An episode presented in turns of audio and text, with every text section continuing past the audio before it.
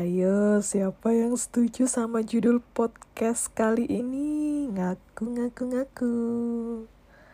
Terima kasih buat Sophia Regista yang udah menginisiasi tema kali ini. Kamu juga bisa ngajuin tema atau ide dengan DM ke Instagram saya at ayawijaya at aya w i d j a c a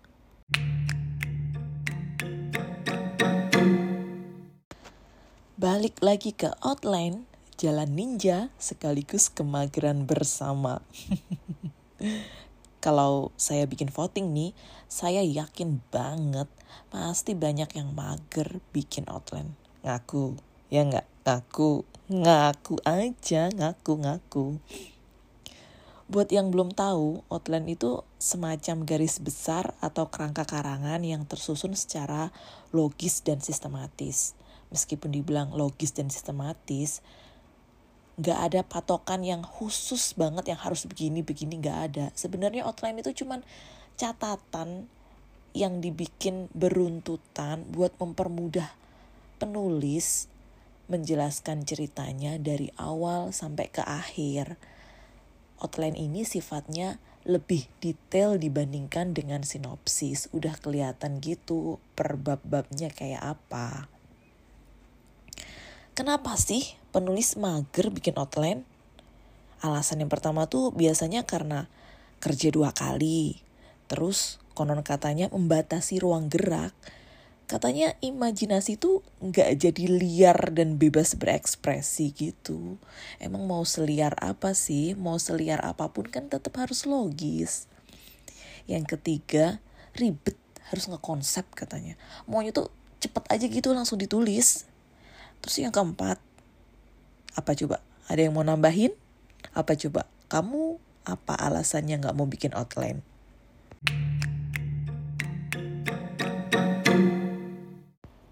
Sebenarnya apa sih pentingnya outline? Outline itu penting buat ngejagain tulisan kita supaya nggak lari ke mana-mana ya kira-kira kayak hubungan kamu sama dia gitu yang lari ke sana kemari karena nggak tahu arah dan tujuannya mau dibawa ke mana. Ups. Jadi supaya nggak melenceng karena mendadak ada yang lebih kece dari sosok di samping kita dan fokus menyongsong masa depan. Astaga, ini bucin banget tau gak sih? Tapi kayaknya kalau nggak dikasih kebucin-bucinan tuh uh, kalian jadi lebih susah memahami. Jadi ngejelasin apa pun tuh kayaknya sekarang lebih enak kalau bucin-bucinan, ya nggak sih? so, apa sih faedahnya bikin outline itu? Outline itu jadi mudah satu supaya kita terarah serius biar terarah. Yang kedua, supaya kita nggak stuck di tengah jalan pas nulis ceritanya. Yang ketiga, supaya kita nggak lupa step by step ceritanya.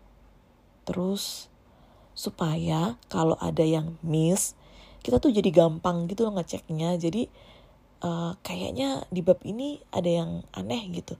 Kamu tinggal ngeceknya jadi outline-nya aja tuh udah udah langsung paham kan. Oh, ini di bab sekian kira-kira halaman sekian bisa dikira-kira kan. Gak perlu harus ngebuka satu persatu per halaman yang udah kamu tulis panjang lebar itu karena kamu gak ada ringkasannya. Jadi outline itu sebenarnya mempermudah. Nah, jadi once kamu nemu ide, bahasan ide ini udah dibahas ya di episode sebelumnya. Nah, kadang ide kan random banget ya. Bisa jadi adegan awalnya doang, temanya doang, atau pokoknya pengen settingnya begini deh, atau endingnya doang maunya. Nah, dari ide yang muncul klik muncul itu dikembangkan runtutannya dalam sinopsis. Terus di breakdown lagi tuh biasanya kalau saya sih di breakdown lagi ke outline supaya kelihatan nih arahnya dan tujuannya dari awal ke akhir tadi gimana. Yang awalnya cuma punya ide konflik doang, jadi awalnya gimana terjadi konflik itu bisa tergambar. Terus nentuin akhirnya juga jadi tahu. Kalau yang idenya itu nongol dari karakter yang menarik juga mulai kelihatan. Ini karakter yang unik nih mau diapain nih? Dia harus uh, di, di hantam dengan kejadian apa terus gimana cara ngejagain konfliknya dan apa yang si karakter ini bakal raih di belakang itu udah kelihatan semua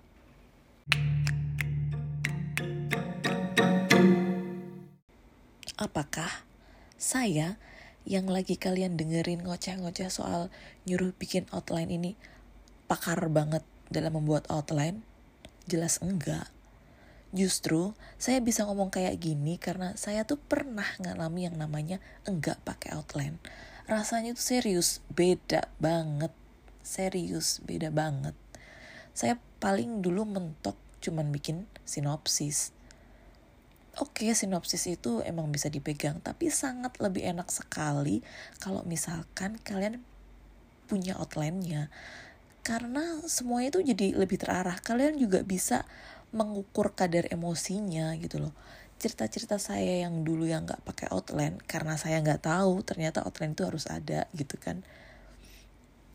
Jadi semacam berantakan gak jelas. Kadang-kadang tuh ceritanya dipanjang-panjangin atau misi tokohnya itu berubah-ubah dari yang awalnya A ke B.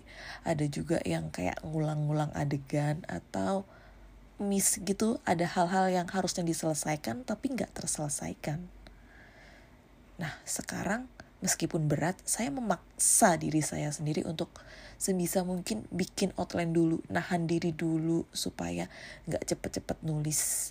Tapi disusun dulu outline-nya.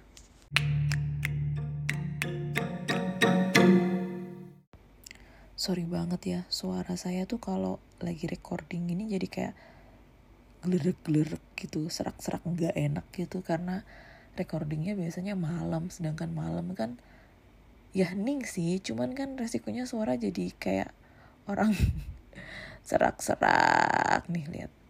Well balik lagi ke outline outline itu ibaratnya Google Maps atau Waze yang menjaga kita biar nggak nyasar.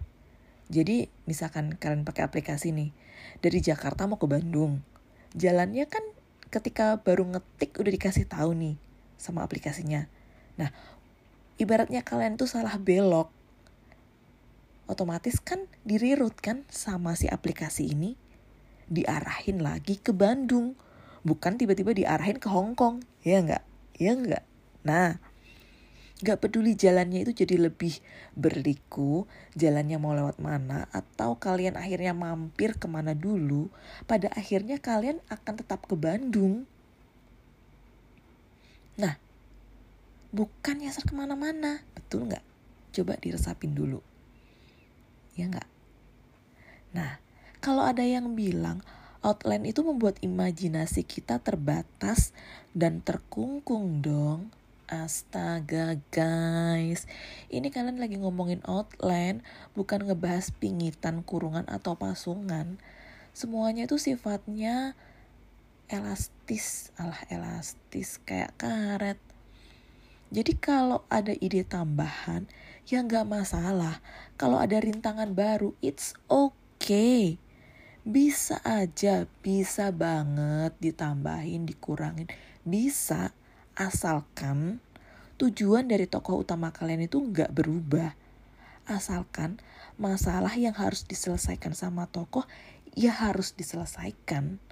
Arah cerita dalam endingnya juga harus terpenuhi.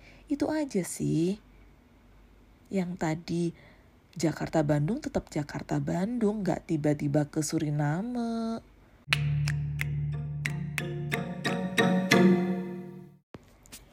Bikin outline itu emang harus siapin waktu tersendiri, butuh effort banget, banget banget. Tapi setelahnya nulis tuh lebih gampang, asli. Misalnya nih, Starstruck Syndrome, outline-nya dikerjain seminggu lebih, asli itu bener-bener pusing parah. Eksekusinya banyak yang kegeser, idenya nambah, konfliknya berkembang. Tapi it's fine, sepanjang beliau writing marathon 3 yang harus kejar tiga bab dalam seminggu, belum konsultasinya. Karena punya outline, saya tuh nggak pernah yang namanya stuck, yang bener-bener yang kayak, aduh harus tulis apa nih, nggak pernah. Padahal umumnya kan orang kalau nulis bisa aja stuck. Nah, outline itu menolong banget. Sehingga proses nulisnya Starstruck Syndrome itu selama tiga bulan, Alhamdulillah semuanya aman. Nah, mau denger nggak? Rekor saya nulis dengan outline itu berapa lama? Outline-nya dikerjain dalam satu hari nih. Nulisnya selesai dalam 10 hari sebanyak 37 ribu kata. Ada yang bisa nebak nggak cerita yang mana? Nah, kalian bisa intip hasilnya rekor saya outline ini di judul Love Hate Relationship yang bakal terbit secara digital di tutorial.co. Bisa klik link di bio saya.